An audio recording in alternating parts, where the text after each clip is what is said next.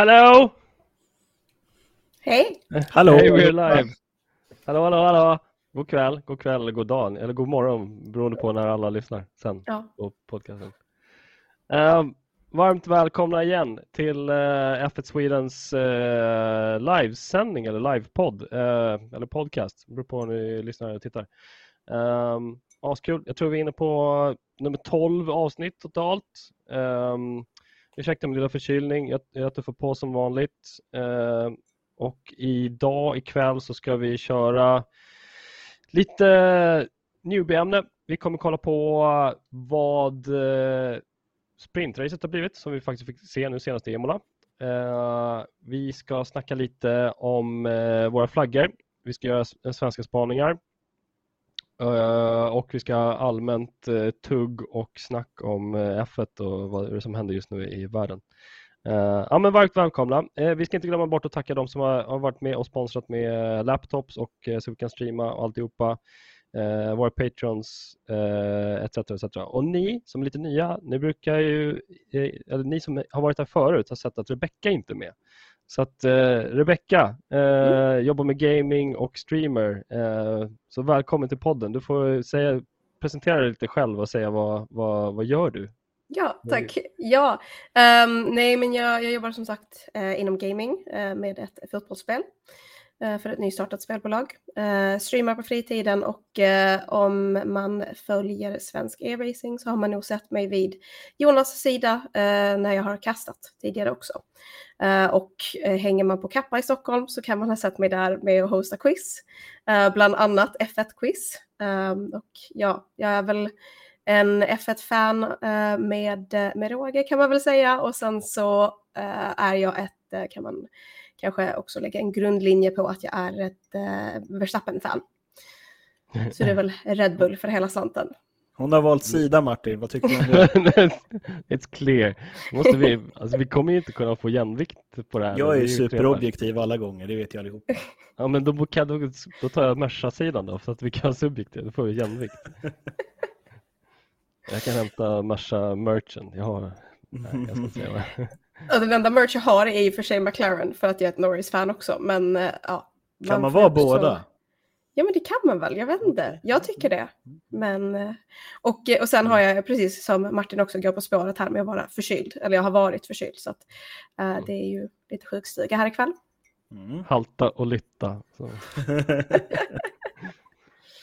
Ja men skitgött och, och eh, vara här. Och ni som är Mm. lite nya på podden och alltihopa, det här är liksom relax, relaxed session så förvänta er inte att vi kommer presentera er någon slags eh, datastatistik på alltihopa utan vi kör live så det blir som det blir. Eh, ursäkta på förhand om jag nyser lite i micken. Nyser lite i micken. Ja men kom gärna med era tankar och frågor och saker och ting som ni har funderat över. Jag menar, helgens race på Imola, fantastiskt race, finns massvis att gå igenom kring det. Mm. Ja, det Ska- blir lite arbete ikväll. Det kommer bli arbete. Det ska jag inte glömma bort att säga. Ni som kollar live, eh, kommentera. Eh, för att ni som kommenterar på filen i, på, på Facebook, eh, det ser, ser vi här också i, eh, i vår stream. Så att vi kommer försöka svara på frågor eller påståenden eller, eller reaktioner eller kommentarer. Eh, så kasta in reaktioner och kommentarer också, ska vi försöka se om vi kan ranta på om det. Men nice! Vi hoppar in lite på eh, agendan där det står typ högst upp eh, dagens newbie-ämne.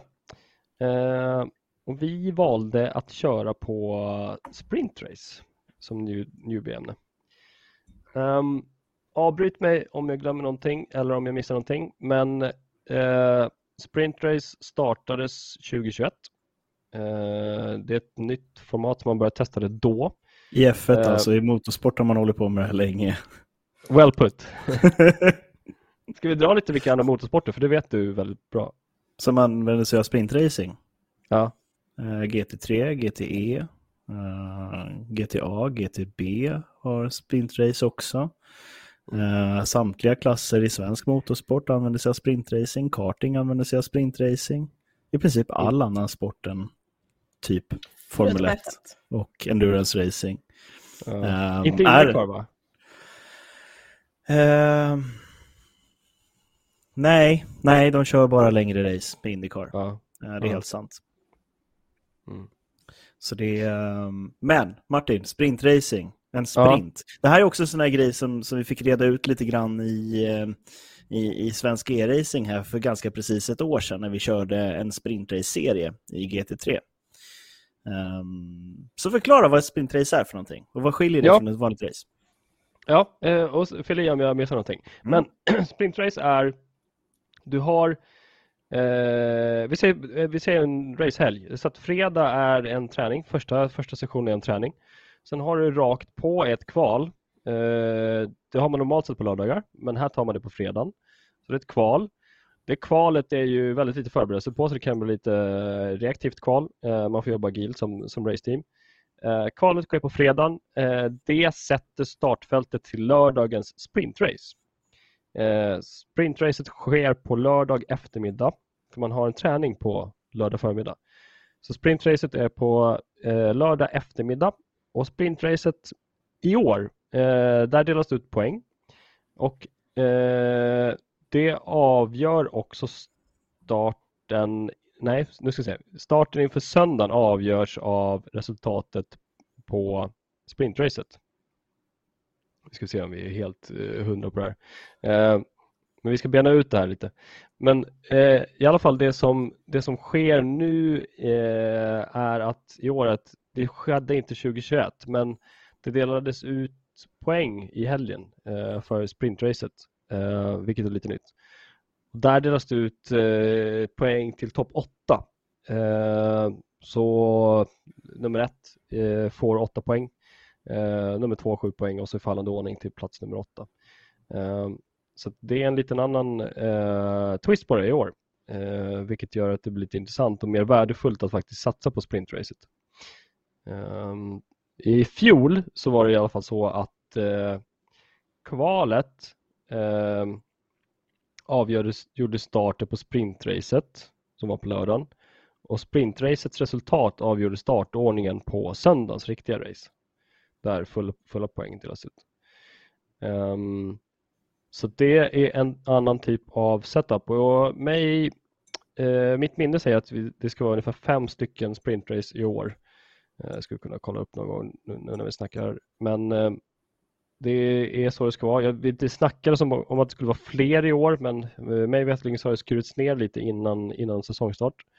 Eh, så det kommer vara lite färre. Men ja, det är i alla fall en, eh, en typ av eh, racinghelg som är lite annorlunda. Eh, har ni några initiala tycke, smak om sprintrace? Vad, vad, hur tycker ni funkar i helgen? Ja, det har ju varit bra. Jag kliver in där först. Mm. Den initiala skillnaden mellan liksom ett vanligt F1-lopp eller ett Grand Prix som man säger och eh, ett sprintrace är liksom längden på racet eh, mm. framför allt. Och när man i F1-kalendern lägger in ett sprintrace och sen så vill man ha kvar det själva Grand Prix då som är på 60-70 var. Jag kommer inte ihåg hur lång distansen är. Ni får jättegärna rätta mig där. Det beror lite olika, olika varvantal men det är ett eh, vad fasen var det, runt 400 det är, man mäter i, i längd. Jo, precis. Eh, och sen så går man det, tar man med sig det från bana till bana då. Och ett sprintrace är generellt sett eh, kanske en tredjedel av det då. En tredjedel eller kanske hälften beroende på om det är långt, långt eller kort sprintrace. Men det är det som är en sprint i alla fall. Eh, slutspurten liksom. Ehm, det ställer ju andra krav på eh, chaufförerna, men det kan jag komma mer in till på senare. Rebecka, jag avbröt dig, förlåt mig. Ja, nej men alltså, det, det jag gillar som man har märkt både liksom förra säsongen och nu med eh, eh, sprintracet i helgen, att man får ju ett lite annat resultat än det här sedvanliga liksom förväntade resultatet. Eh, absolut, eh, Verstappen, Leclerc, liksom, Perez ligger i topp. Men du hade ändå möjlighet för ganska många liksom, underdogs att komma in. Eh, sen förstår jag också för, för teamen är det ju mer värdefullt med kvalificering i kvalhit mer än i eh, sprintrace för att i ett sprintrace så är det ju racing och det påverkar ju bilarna på ett annat sätt också. Så att jag, jag gillar den här kombinationen där man faktiskt får liksom det bästa av båda världar och man faktiskt får liksom uppleva båda typerna. Um, framförallt då också i och med att det, det ger oss eh, resultat så som vi såg på eh, Spa förra året till exempel tror jag det var. När det regnade och liksom hela startledet eh, förblev så som det var från start till slut för att det inte blev någon racing på riktigt. Mm. Det, det, ställer ju helt andra krav på förarna. Eh, det, nu är ju sprintracen inte lika mycket poäng som Grand Prix, om vi väljer att använda de termerna istället. Då. Men det ger fortfarande poäng. Eh, men ett kortare race, där är ju kvalet, tidskvalet som avgör startordningen i sprinten så otroligt mycket viktigare. Track position är så vansinnigt mycket viktigare om du bara ska köra ett fåtal varv mot när du har många varv på dig och liksom kompensera för det du har gjort. Och framförallt när det kommer till flera depåstopp, depåstrategi, det finns flera liksom, um, parametrar som kan avgöra hur racet i sin helhet går om det är längre. Um, medan sprintracing, då är det liksom startpositionen, ja. Hur du tar starten, första, andra och tredje kurvan egentligen och därefter då resten av varvet eh, blir så otroligt viktigt. Och eh, har man dessutom ett, eh, ett GP dagen efter, så om du kraschar bilen i sprintracet, ja, då gäller det att du har ett bra team som är vakna och duktiga och kan hjälpa till med att få ihop en snabb bil till dagen efter. Mm. Och det här är också en sån här grej som, som jag skulle säga att det här formatet man har nu, det gynnar de stora teamen mycket, mycket mer för att de kan ta risker som de mindre teamen inte kan ta. Och vi såg hur det gick för Science. Ja, ja precis. Mm. Lite för mycket. Jag ska läsa till så får vi hur sprintracet funkar i år då. så får vi dra våra slutsatser. It has also been decided that the driver who sets the fastest time in qualifying, which on sprint weekends will take place on Friday, will be attri attributed pole position.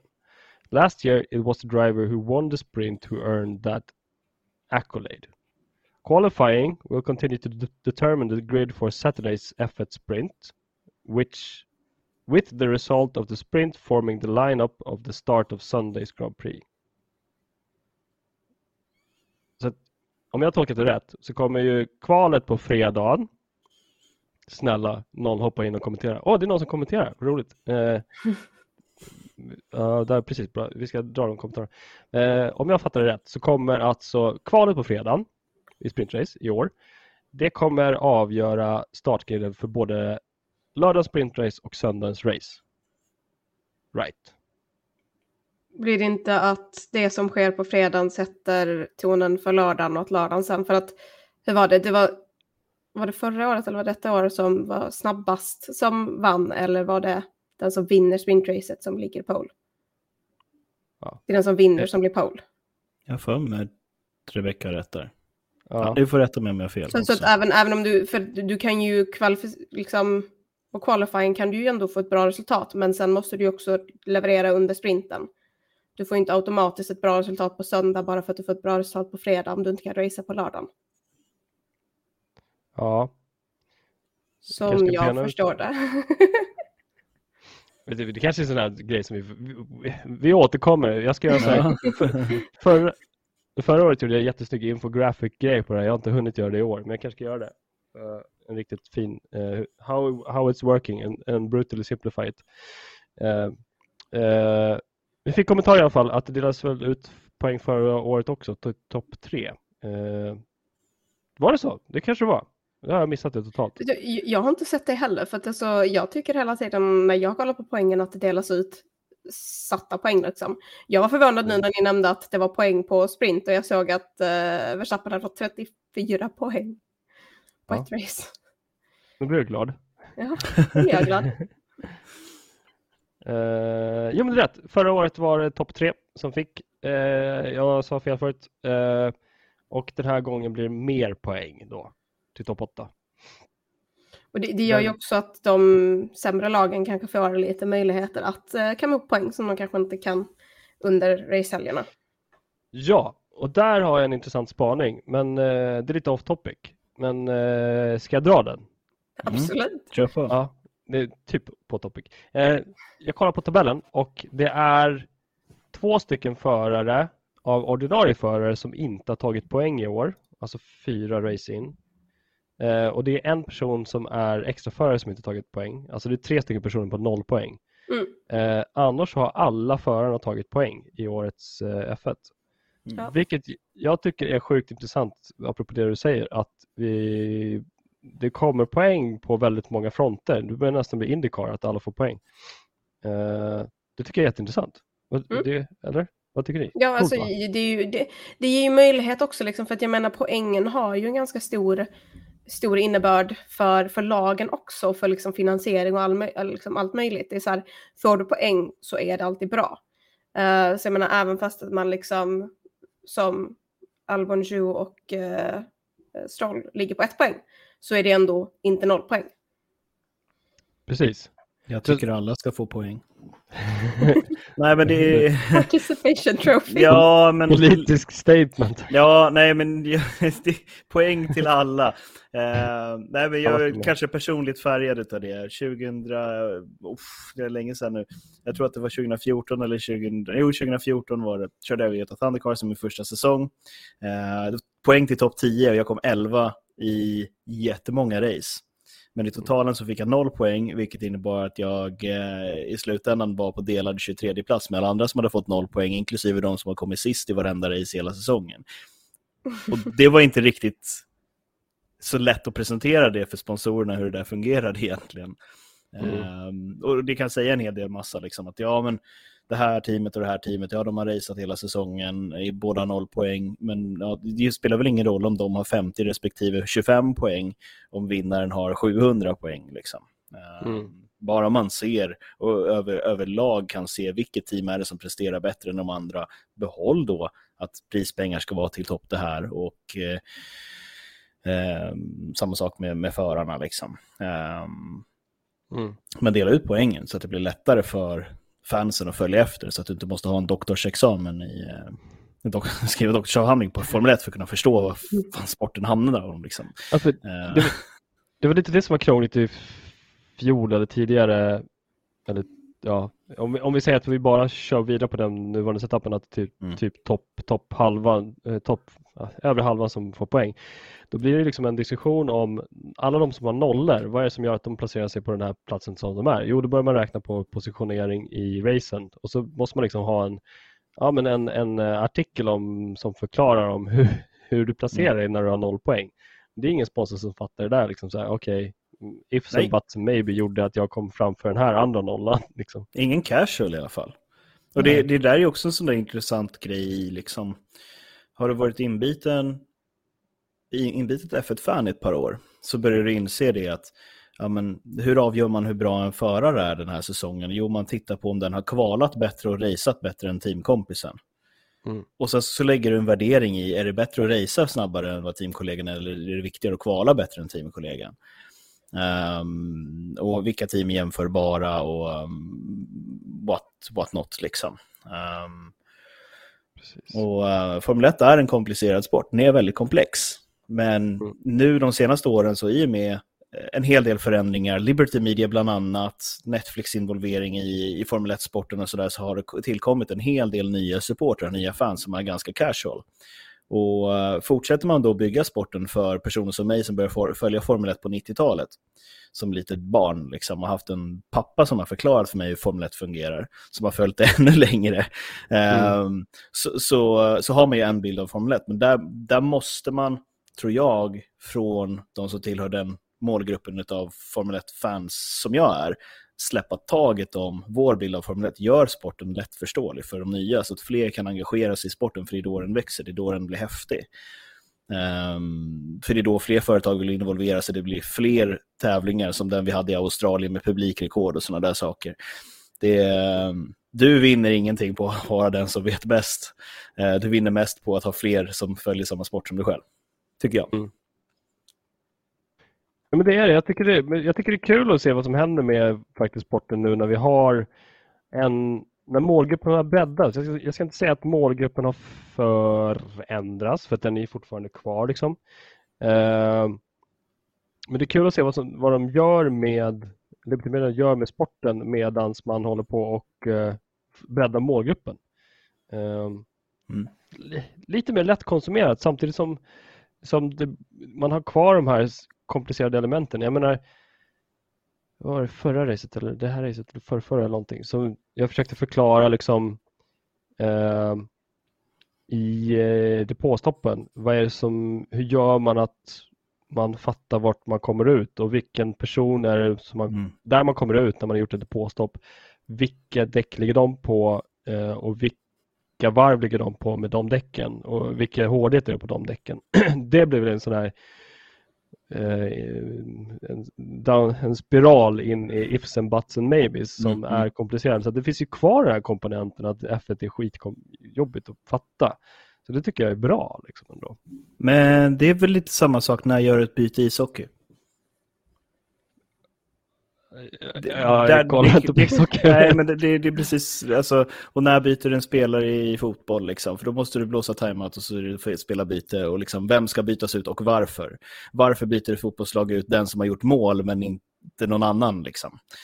Ehm, det, Ja. Men är- så, behöver det- det- man det- förstå det för att liksom njuta av sporten? nej, nej, nej. nej. Det är det. Nej. Det är det jag är inne på. Det är det jag är inne på. För- för Det- det- Jag vet, alltså som någon som jag, jag har följt, följt F1 sen liksom Drive to Survive kom ut och följt det ganska väldigt, väldigt casual liksom första Mm. säsongen och sen så har det liksom kommit in i det mer och mer och börjat kolla mer på så här, men däckstrategier, depåstrategier, alltså allt däremellan liksom. Och göra det mer och mer avancerat, faktiskt titta och kolla på liksom videos och följa upp vad, vad, vad skillnaden är på nya bilarna och jämfört med liksom förra säsongen och sådär. Men samtidigt så behöver du ju inte vara insatt i det för att faktiskt liksom få enjoyment av att titta på, på racen liksom. Mm. Nej, nej, jag håller helt med dig Rebecka. Och det är, jag skulle säga att depåstrategi och förstå en undercut och en overcut och vad de innebär och vad de leder till. Det kanske är årskurs 3 eller årskurs 4, du behöver inte börja där liksom. Ehm, börja med att titta på bilar som är fräna och titta på ja, den här fina färger, liksom. den, den vill vi följa. Mm. Ehm, och, och, och njuta av showen som presenteras framför dig. Liksom. Och, ehm, idag har man ju det här komplementet i form av Drive to Survive, tycker jag, som är fantastiskt bra för att du ska få en bild av vilka förarna är. Och eh, när jag började följa Formel 1 fanns inte sociala medier, när de kom, det var revolution. Så, aha, är det här föraren bakom, bakom hjälmen liksom? Annars hade man ju bara eh, intervjuerna att gå på. Eh, Mm. Så att det hela, hela det landskapet har ju förändrats nog fullständigt. Och ehm, ett, ett gäng av förarna som vi följer, typ Lando Norris, Leclerc, eh, Verstappen, eh, involverade i en del e-sporter också när de inte har Formel 1-säsong. Och jag menar, du kan följa Verstappen året runt när han tävlar för Redline och, och sådär i e-sportvärlden, men du kan också titta på Lando eller, eller Charles när, när de streamar själva och kan skriva kommentarer som de reagerar på tillbaka. Eh, det kommer så otroligt mycket närmare den här nya generationen av racerförare så det är, och ställs så otroligt andra krav på vad det krävs av dig som racer idag och som idrottsperson. Mm. Ehm, Till exempel tafsa inte på folk i baksätet. inte särskilt bra. Pretty basic. Får inte pengar Alltså- av en krigsförande makt. ja, Annan precis. Det är två grejer som blev fel. Liksom. uh, sorry att jag eh, tog upp det där dåliga Mm. exemplet. Men ja, jag fattar vad jag menar. Jag håller med. Nej, men så det är, jag är helt rätt Rebecka. Jag håller helt med dig. Man, man kan, det finns många delar av den här sporten som man kan börja tycka om. Och depåstrategi är ganska nördigt. Jag gillar det. Uh, sidepods är ännu mer nördigt. Apropå, ja just det. Men apropå det där med depåstrategi. Det är också, jag älskar det. Vi satt, jag satt och gissade igår, i alla fall med dig Jonas, bara runt, Mm. runt 20 kommer de in. Jag skulle vilja ha bättre grafik på det här i racen. Eh, Mm. om, om man, jag skulle vilja att när de filmar en förare så, så skulle de kunna visa en grafik på vart den personen kommer in när den vart, vart den personen kommer ut när eh, den går in i depåstopp. Då kommer den in här, däremellan och sen då kommer Mm. vi en diff och då vill jag också se. Det jag också saknade i grafiken i sändningen är en, de har en kolumn med, vad fasen är det? Jo, vilket däck det är. Men jag skulle ha en till liten Mm. kolumn med antal varv på däcken. Mm. Det skulle vara skitkul. Eh, Ja, det får man ju försöka hålla koll på lite själv och man kan inte göra det för alla förarna. Vilket Mm. är lite synd. Eh, Jag brukar alltid tillsammans med racet ha öppet F1-sidan för att se live-timingen. Mm. För där ser du vilka däck de har och hur många pitstops de har gjort. Eh, det får du se emellanåt på grafiken, men då har du det liksom tillgängligt hela tiden. Eh, men då blir det också att du måste kolla från typ telefonen eller en skärm eller någonting, att du liksom måste byta runt. Padda, telefon och två datorer och så tv. Ja. Men alltså, jag, jag, har sett, jag, jag, jag har sett på så Instagram folk som har så här setups med så här typ eh, sju olika skärmar med olika setups på varje skärm. Liksom. Och det, alltså, det är ju lite överkurs, men det hade ju varit kul. Liksom. Ja, jag har sett dem i gruppen. Vissa jobbar som med säkerhetsövervakning och sitter på jobbet och de har ju massa skärmar så här. Och så har de racer på ett, två stycken. Det är skitcoolt. Det är- Um, Askul. Vi, vi kan rätta på hur mycket som helst om det där, men vi ska försöka dyka in lite på, på, våra, på vår agenda. Och vi står faktiskt på en agenda så har vi eh, nästa grej i svenska spaningar. Det här är en F1 Sweden-podd, det sänds i F1 Sweden-gruppen. Men vi drar upp svenska racers för att vi tycker att det är viktigt att sprida racing-communityt. Eh, det där är också eh, F1 Sweden, ni som inte vet, finns under ett paraply som heter Racing Sweden och det, vi försöker ju liksom generellt jobba med att eh, svensk racing och svenska racinginitiativ internationellt ska belysas lite. Så det är därför vi tar upp två stycken personer idag. Eh, jag tror du har mest koll på prestationerna Jonas, eller Rebecca kanske också har det? Nej, tyvärr inte. Ah, du tänker på Jessica och Dino? Ja, exakt. Mm. Dino Beganovic vinner eh, Formula Regionals på Monza i regnet. Eh, fantastisk insats och eh, fantastiskt race också. Eh, startar från pole, det regnar, gör gäng fantastiska starter och omstarter också. När han liksom bryter ifrån hela gruppen med 3-4 billängder, 3-4-5 billängder. Och det är så otroligt viktigt också när man kör på regn att du vill ligga först för då har du inte sprayen. Så då ser du när kurvan kommer och var du har dina bromspunkter. Och det, är, ja, det, är, väldigt trevligt i alla fall.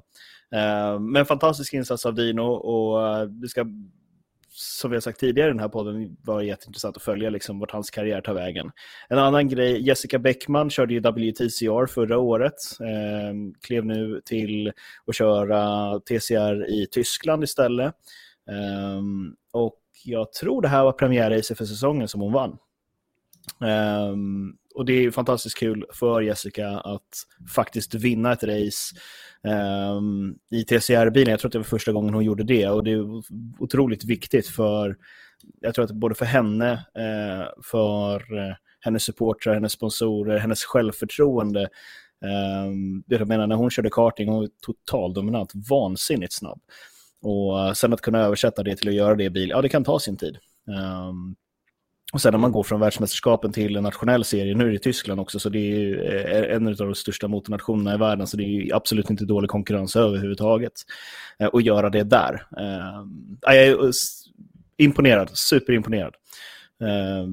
Så det ska bli intressant att se hur resterande av säsongen går. Hennes brorsa Andreas ska köra STCC i år, i en TCR-bil, så de kommer vi kunna se i Sverige. Um, och jag tror att det sätter väl lite press på honom. Det här är nog första gången, tror jag, som de kör eh, separata serier. De har här, följt med varandra i de flesta serierna som de har kört. Eh, med varandra eller mot varandra. Eller, ja, mot varandra, med varandra, för samma team många gånger också samarbetat väldigt mycket. Mm. Så det, um, det är de två spaningarna som jag har. Eh, otroligt roligt att inleda eh, april Uh, inte inleda april, men inleda våren och i april redan med, med två internationella segrar för Sverige. Det gör mig glad. Ja, det är sjukt snyggt. Och det, för er som inte har hört om Dino förut, så det är vårt nästa Formel 1-hopp, om man kan säga så. Ja, ett av dem absolut. Ja. Uh, jag vill spontant kasta in en spaning också. Uh, jag har ju en varm fot, kan man säga så? En varm fot i rallyvärlden. Mm. Så just nu eh, finns det ett pågående rally som heter Tunisia Desert Challenge. Eh, det är en av de eh, mindre rallys under, eller, på sidan av Dakar. Men eh, det är ett mindre rally som går i Tunisien, ett ganska nytt rally men eh, eh det är tufft. Eh, vi har tre stycken svenskar som kör där. Eh, det är Per Enoksson, Joakim Hultqvist och Stefan Karl Mikkel Nordström.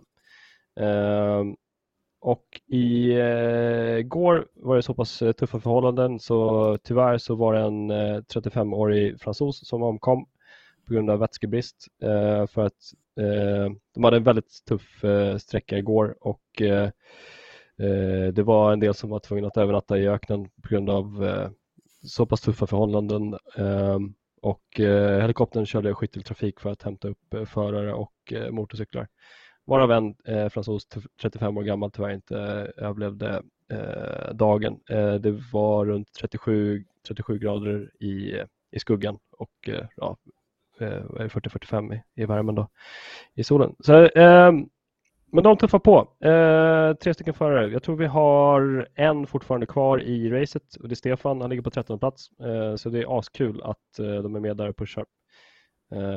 Så jag känner att vi måste, våra rally raid galningar där nere i Tunisien måste omnämnas. Härligt. Men men, det är väl det. Ehm, pop, pop, pop, vi har snackat lite om Imola redan och vi har mm. massa flaggor på det. Eh, så jag funderar på om vi ska hoppa in på våra flaggor. För er som inte vet, vi brukar ta upp eh, grön, eh, gul och röd flagg. Det är ganska självförklarande. Grön flagg det delas ut till någon eller något som har gjorts bra. Gul, medium bra, röd, röd flagg betyder typ du är jättedålig. Jaha. Eller, eller ja, men, ja, själv Inte godkänt. Ej godkänt. Sen får vi dela ut svart också, men det har vi aldrig gjort. Nej. Får man göra det? det jag har för mig att vi sa det i början, men okay. det kanske jag hittar på nu. Ja, känns samma. Jag tycker vi får dela ut svart. Anyways, ska vi hoppa in lite på... Ska vi börja med med, med gröna? Sure. Det låter väl som en bra start. Vad har du för gröna Martin? Ska jag ta min? Jag kan ja. börja med en. Eh, pop, pop, pop, pop. Jag ska skänka en stor stark grön till Red Bull. Eh, jag var lite inne på det förut. De satt, kom etta i kvalet, eller Max kom etta i kvalet. Eh, etta i sprinten. Eh, de ledde inte hela, men de kom etta i sprinten, sprintracet. och de tog vinsten i racet. och utöver det så tror jag att de hade ledningen varenda varv i racet också. Mm. så att, och då, sen så satte de etta, tvåa i racet. Det gör att de maxade poängen och de tog också snabbaste varv i racet. Uh, så hats off. Den oändliga diskussionen om är det bilen, är det föraren eller är det designen.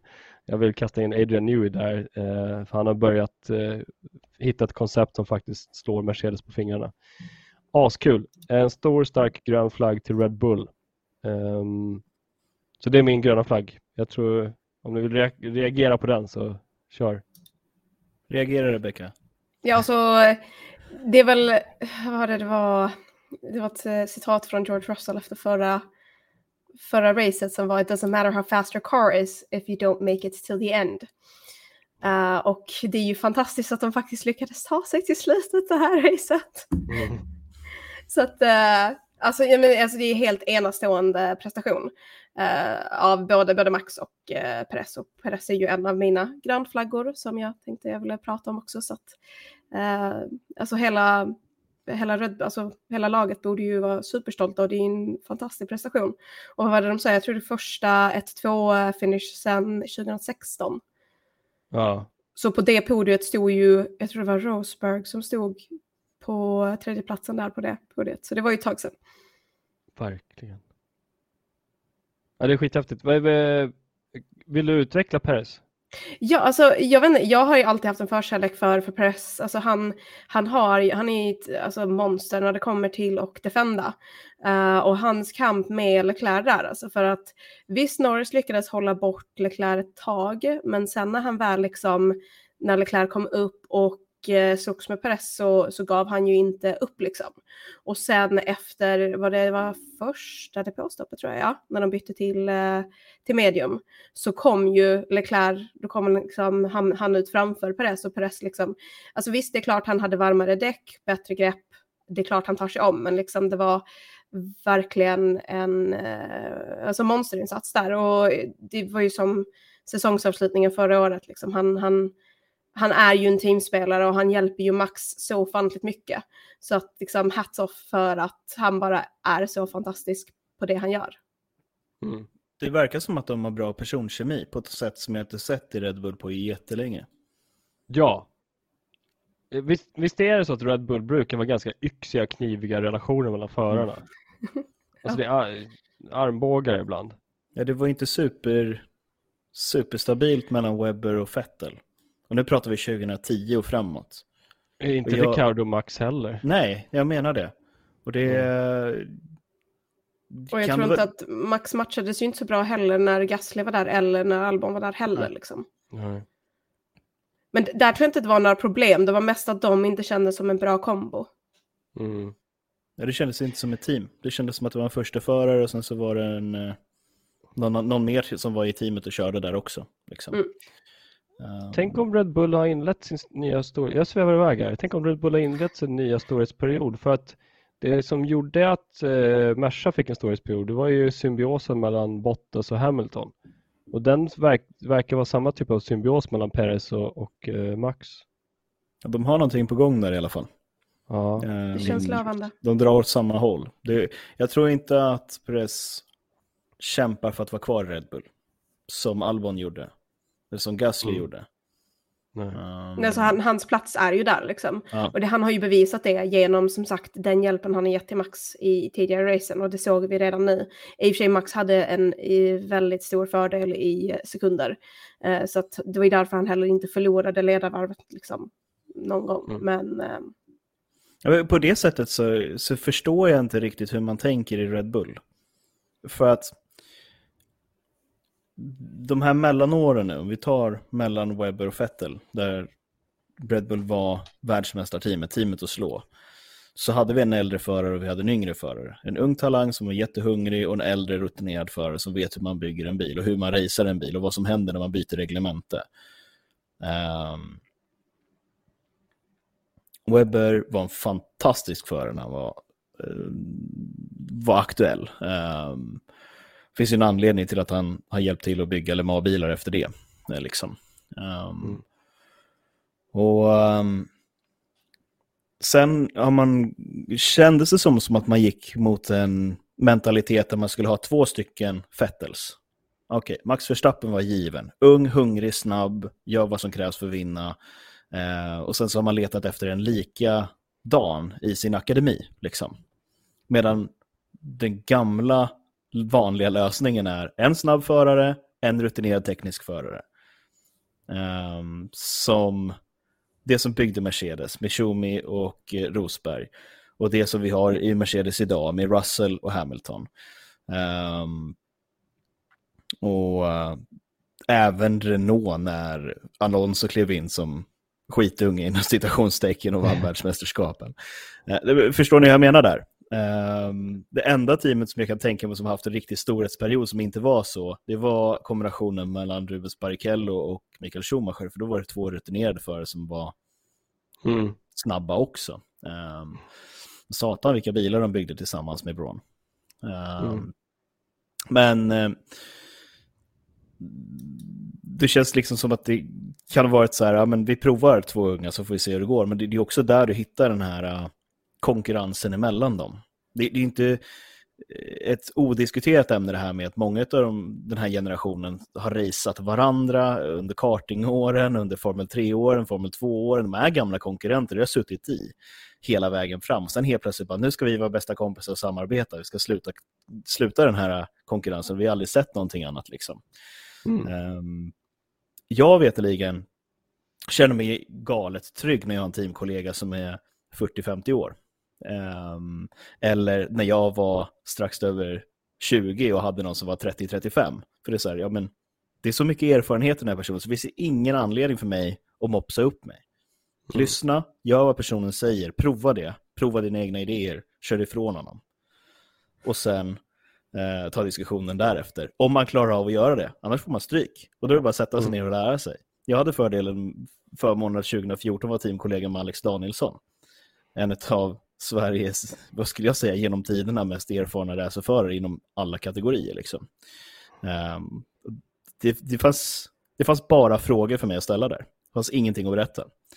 Ehm, och då är det bara att sitta ner, lyssna och be om en föreläsning till. Liksom. Mm. Ehm, och då skapar man en, en dynamik som är rätt givande. När, man Mm. lyssnar, när, när, när du lyssnar så kommer den andra förmodligen lyssna på dig när du väl har kommit fram till någonting. Eh, och har du ett team där man lyssnar på varandra istället för att berätta för varandra hur det är, eh, så försvinner prestigen på ett annat sätt tror jag. Ja, exakt. Ja, men det är det, det full agree. Vill, Rebecca, vill du välja någon av dina flaggor fritt? Ja, det känns som jag gav dig en. Ja, nej men alltså jag, jag skulle vilja säga, alltså typ Russell också.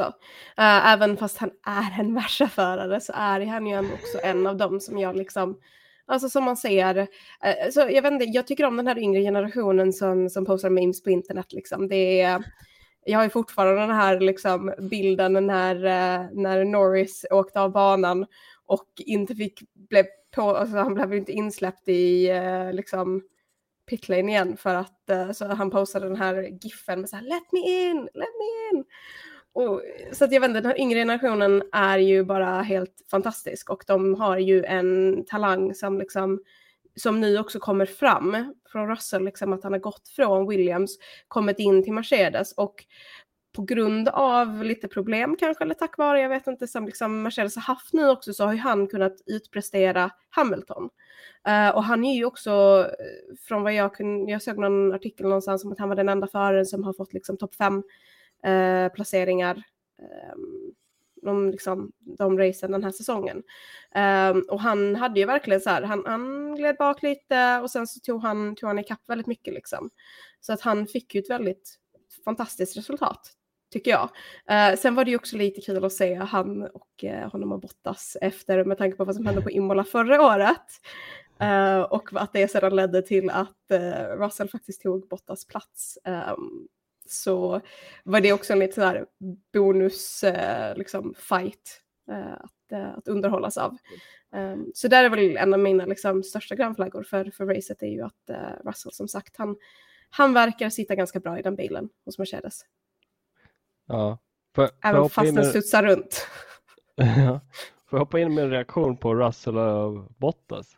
Mm. Eh, det, det var eh, den gången, alltså jag älskar när det finns en bakomliggande, eh, bakomliggande grej till fighter. Till exempel som Leclerc vs Max, de har ju fightat sedan de var i go-kart-åren. Eh, men nu också fighten som vi såg igår på, på Imola när Bottas och Russell körde, då var det liksom så här man märkte att det var, det osade, slog blixtar om den här fighten för det var liksom du har tagit min, min drive seat och jag, alltså Bottas, eh, Bottas vilja att köra om där, jag, jag tyckte den var stark. Det hade varit så jäkla kul om Bottas hade kört om George Russell i en Merca med en Alfa Romeo. Nej, det är sjukt, sjukt ballt alltså. Det var ju lite som att se Max lappa Hamilton var ju också, Ja, den, exakt. den, den var lite mysig tycker jag. Tycker du? ja. Hamilton-fans kanske inte håller med. Jag tror inte det. Nej. Jag tror, jag tror det svider, vi ska respektera det. För fasen vad det måste svida om man är rent Hamilton-fan. Eller Merca-fan. Herregud. Jonas, vill du? Vill du? Ja, jag har en hel del att gå igenom. Nej, men ehm, Russell såklart. Ehm, steg för steg framåt för Mercedes i fart visar Russell. Eh, Hamilton gör det inte. Ehm, men um, så återigen då, ett bättre resultat än teamkollegan. Han är ny i teamet. Det kommer ta en stund för honom att, att komma in i den här bilen såklart. Um, så det skulle jag säga. Uh, tummen upp till honom, tummen upp till Bottas. Fantastiskt roligt att det går bra för honom i nya bilen och nya teamet. Um, och det går vansinnigt bra. Jag ska ge tummen upp till uh, Magnussen också. Det är kul att se att det finns den där farten i Haas-bilen. Uh, ehm, och roligt för Haas också att ha just Magnussen med sig. Uh, jag och Rebecka, du och jag pratade ju om uh, att det här kan ju bli nya, alltså en omstart i karriären för Magnussen. Och han har fortfarande ett par kvalitativa år kvar i Formel 1 att göra. Eh, två, tre år i alla fall. Eh, så det skulle vara intressant att se eh, fortsättningen i det. Och det kan vara så att han är kvar i Haas resten av sin karriär och bara försöker hjälpa teamet att bygga upp det. För att han har varit runt och kört massvis med andra grejer nu och byggt mer erfarenhet kring racerbilar och inställningar och teamuppbyggnad och liksom sådana där saker. Så det, det ska bli spännande att se. Um, vad som kan hända vidare där för honom då. Leclerc uh, får grön flagga på Imola. Uh, skräll kanske. Men uh, in i depån, nya puckar på och så ger man allt. Han skickade och, och så gick det åt skogen, men han skickade. Och det har jag väntat på att se i Formel 1 så länge. Någon som verkligen säger, ah, men nej men jag kör på 95% här för att det här är min pace och jag måste ta det i mål liksom. Um, och um, fantastiskt just att se det här på upptorkande väder. För att mm. du ligger så otroligt nära marginalerna. På en vanlig, I vanliga fall så är väl Imola-banan 5-6 meter bred. Men under upptorkande så är den 2,5 meter bred. Så det, du har ju så otroligt små marginaler. Bromsa lite för sent, då kommer du ut i det blöta och du är rökt. Mm. Uh, styr in lite för tidigt eller lite för mycket eller få lite understyrning eller lite mer överstyrning än vad du tänkte. Träffar du för högt och du flyger och du snurrar och du sitter i muren. Vilket var det han gjorde. Ja. Men han räddade. Ja, men det var precis att han fick stopp på bilen i alla fall.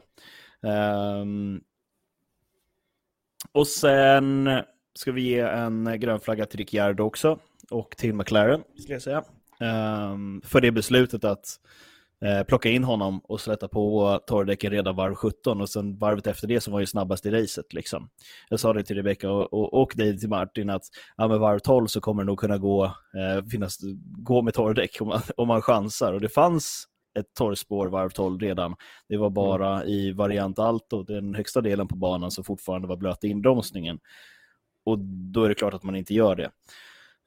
Um, men, och sen så fanns det ju risk för att det skulle komma mer regn så att säga. Men ju tidigare du går på de torra däcken, desto mer vinner du på det. För att kan du hålla samma fart som de på regndäck när du kör torrdäck, eh, så kommer du kunna ta hand om dina däck längre på ett annat sätt än vad de gör. För att när, ban när banan är blöt så slits inte torrdäcken på samma sätt.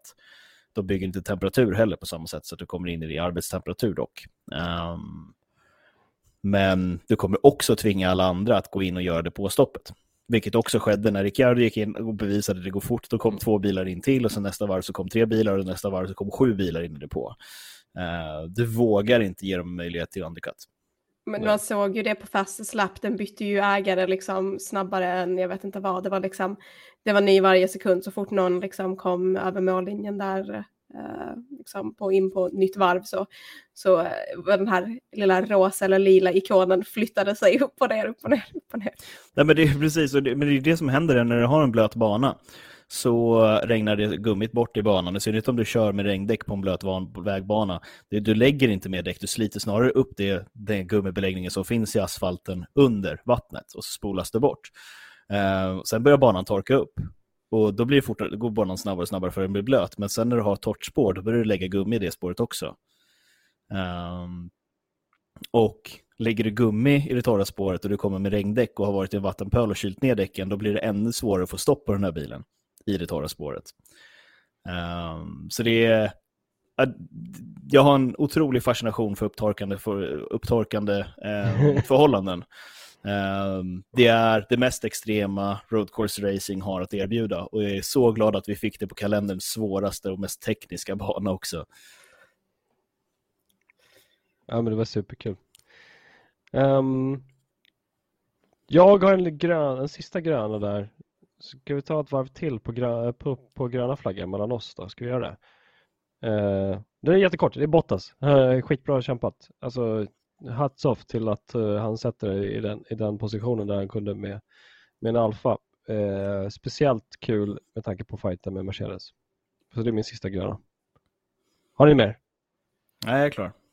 Du är klar? Mm, jag tror att uh, jag hade ju bara Magnusen kvar, men den har vi ju redan diskuterat här, Jonas. Att, det är ju den här lovande nordiska föraren. I och med att vi inte har någon svensk förare så är väl liksom en dansk det namn som man kommer Plus att det är en hasbil dessutom, så att, uh, jag tycker det. Hats off mm. för, för den prestationen. Mm. Hoppas vi får lite Haas-fans. Jag såg en Haas-tröja på, Haas, Haas-tröja på premiären. Det var kul. Mm. På O'Larrys. Um, nice.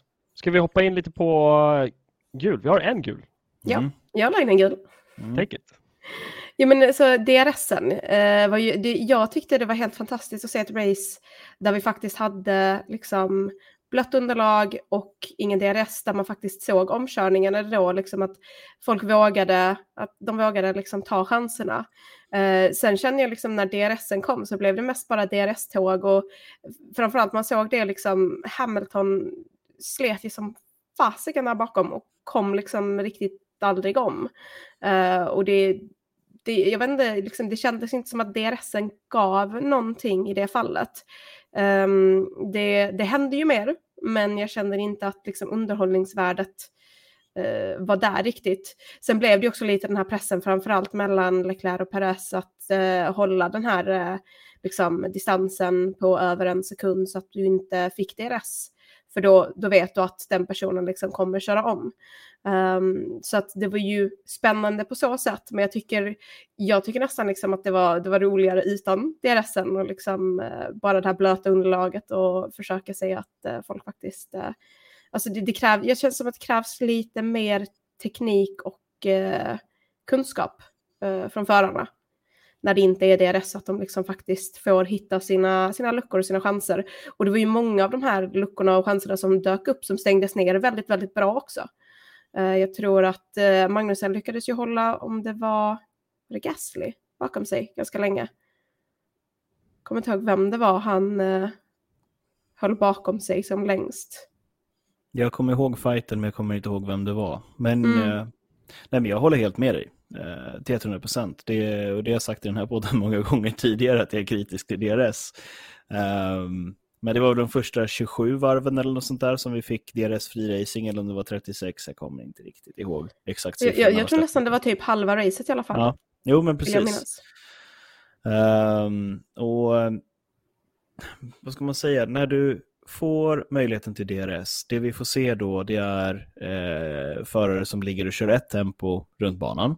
Och sen så när man börjar närma sig den här inklockningen för DRS-zon eller inte, då kör man kvalvarv. Liksom en kvalsektor för att dra ifrån och bryta upp de här två, tre, fyra tiondelarna. Eh, som man kan göra om man har tur.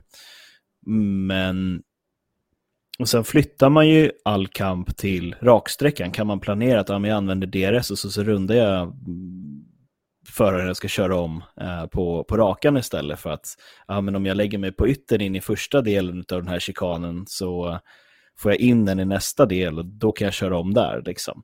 Vi, vi får inte de här sida vid sida kamperna, kurva efter kurva efter kurva som, som man blir tvungen till att racea sig till på eh, annars. Liksom. Och det är samma sak, så här, ja, men hur kör du om när du har en optimal bromspunkt och här kan du bromsa ner för att få mm, bäst bromsverkan. Det här är senast du kan bromsa och klara kurvan. Ja, men du måste bromsa så att du inte klarar kurvan.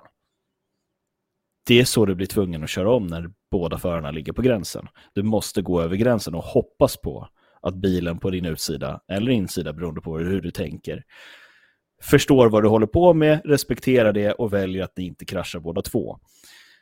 Um, och det har vi ju sett tidigare säsonger att det håller ja. ibland inte. Nej, det, det håller ganska sällan. Um, för att du måste vara så otroligt uppmärksam och du måste vara respektfull också. Um, Vi har väldigt många aggressiva förare i, i fältet den här säsongen. Ja, absolut. absolut. Um, men jag, jag, uppskattar absolut uh, att ge, vad heter det, DRS-fri racing en chans.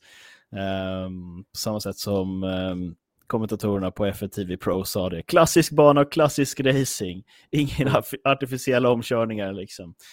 Eh, så de var nog ganska tydliga med vad de står i frågan också. Härligt. Vi har egentligen röda flaggorna kvar. Ska vi dyka in på dem? Mm. Sen har vi tickat på i 55 minuter så vi ska, ja, vi kör röda flaggor. Uh, vem vill börja? Du ska börja. Jag börjar. Du har varit tyst länge nu. ja, jag tycker det. jag kan köra Leclerc. Uh, Leclerc får en röd flagga jag, du gav honom lite praise för att han var på 100% och raceade mm. gjorde misstag. Yes. Uh, jag ska försöka motivera den här röda flaggan för att jag, han gjorde ett misstag och han körde av. Uh, jag tycker det hör till en förares egenskaper att veta när man ska pusha, veta när man ska uh, inte pusha. jag tycker att han pushade för högt i den där situationen. Han hade ingen bakom sig som jagade honom. Han eh, hade absolut möjligheter att köra ikapp folk framåt. Eh, men eh, okej, okay, visst, i den aspekten, han kunde pusha så att han kunde göra misstag för att om han gjorde ett misstag i det här fallet så hade han inte tappat en position, vilket han inte gjorde. Fine, fair enough. Men jag, jag tycker att Leclerc har haft en så väldigt, väldigt hög lägstanivå den här säsongen att uh, jag vill kasta ut en, en orange då, röd-orange flagga att uh, han får inte göra sådär. Han får inte göra sådana misstag. Det får man inte göra. Fine en påbromsning och ta ut kurvan, åka ut lite och komma tillbaka. Men sen där spin 180 in i väggen, nej, nej, nej, nej. nej. Eh, han gav ju bort väldigt mycket där.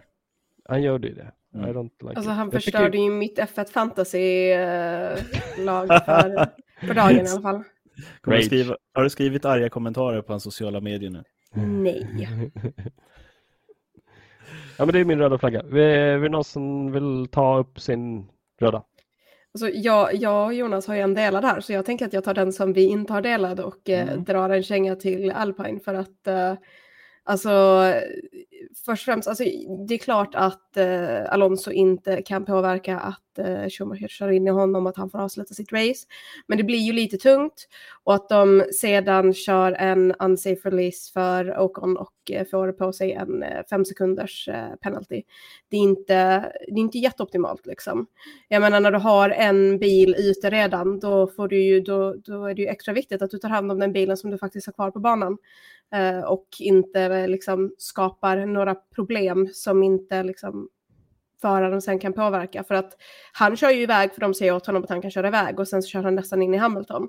Och det är väl tur att de lyckades eh, att inte liksom köra in i varandra ordentligt för det hade ju kunnat förstöra båda de förarnas race och även blockera i, eh, i pitlane eh, om, om det hade blivit värre. Um, så att eh, jag tycker ju ändå på något sätt att Alpine förlorade mycket på det där racet. Um, liksom med allt som hände. Och lite synd, men också lite att de kanske inte riktigt skötte allting som de skulle. Mm, mm.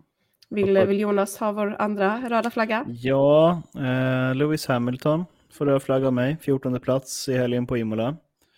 Eh, han gjorde en, i och för sig inte ett superrace på Imola senast heller. När han snurrade så var det rödflagg och efter kraschen med Bottas och Russell och sen så kom han tillbaka och kompenserade efter det. Men Eh, Lewis Hamilton har sju världsmästerskap i Formel 1. Han är en av motorsportens genom tiderna mest, eh, alltså det bästa vi har eh, aktuellt just nu.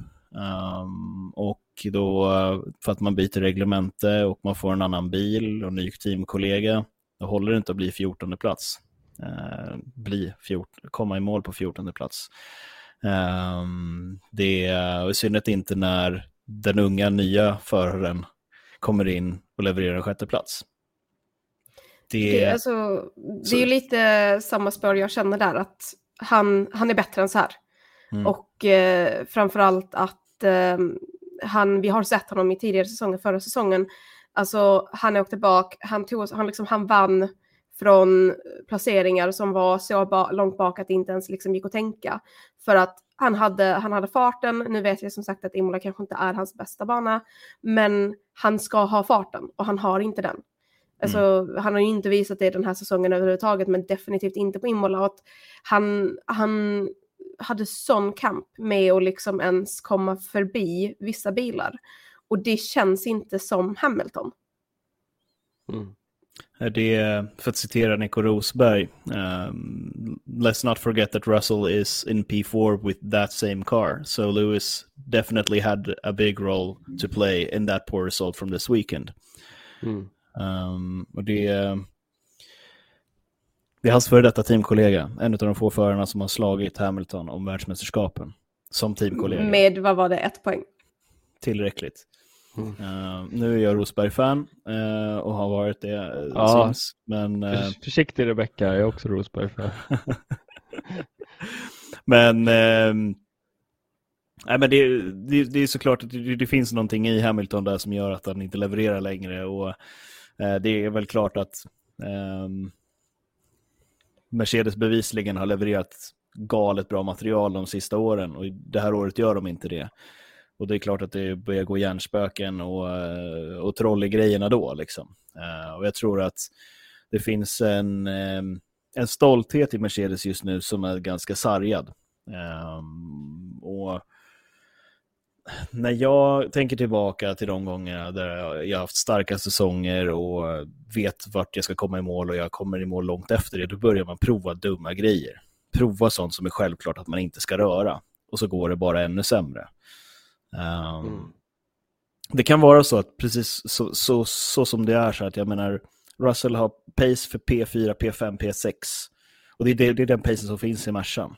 Medan Lewis vill kräma ut en vinst ur Mercan och då börjar man prova saker som bara gör att det går långsammare. Liksom. Man går åt fel håll istället för att bara acceptera läget och göra det bästa av situationen. Hur fort kan jag köra den här bilen?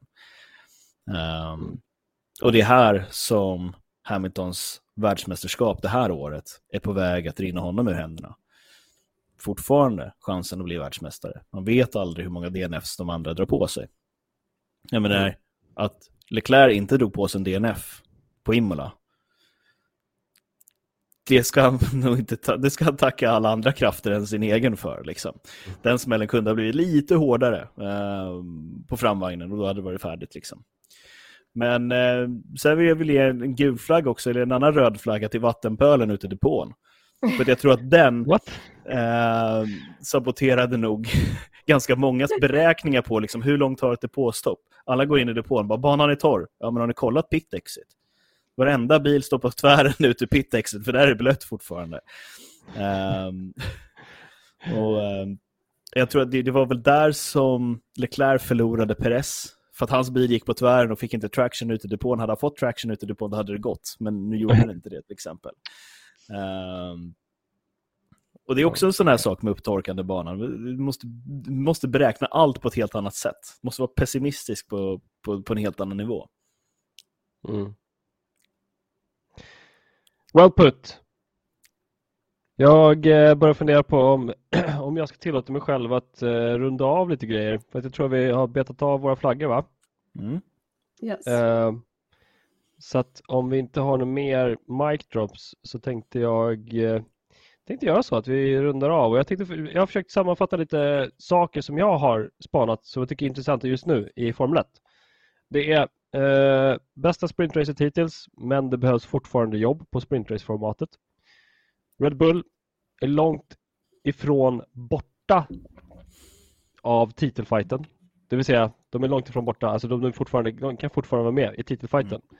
Mm. Eh, McLarens progress från Bahrain, tydlig. Den går framåt, superbra. Och sista bulletpointen är Mercedes eh, delfinande eller porpoising problem är större än någonsin. Eh, så det är mina mic drops eh, på den här podden och vad vi kanske kan följa med till nästa race. Nästa race Miami, vad tror ni om det? det alltså jag är så excited. Alltså det är... Um, jag vet inte. Det är så här, jag ser fram emot det som fan. Det ska bli jättespännande. Jag tänker på Miami Dolphins bara svårt. Vad, vad tänker du på? Men jag vet inte, alltså det, det, det, det är fortfarande liksom frågetecken kring, kring banan liksom.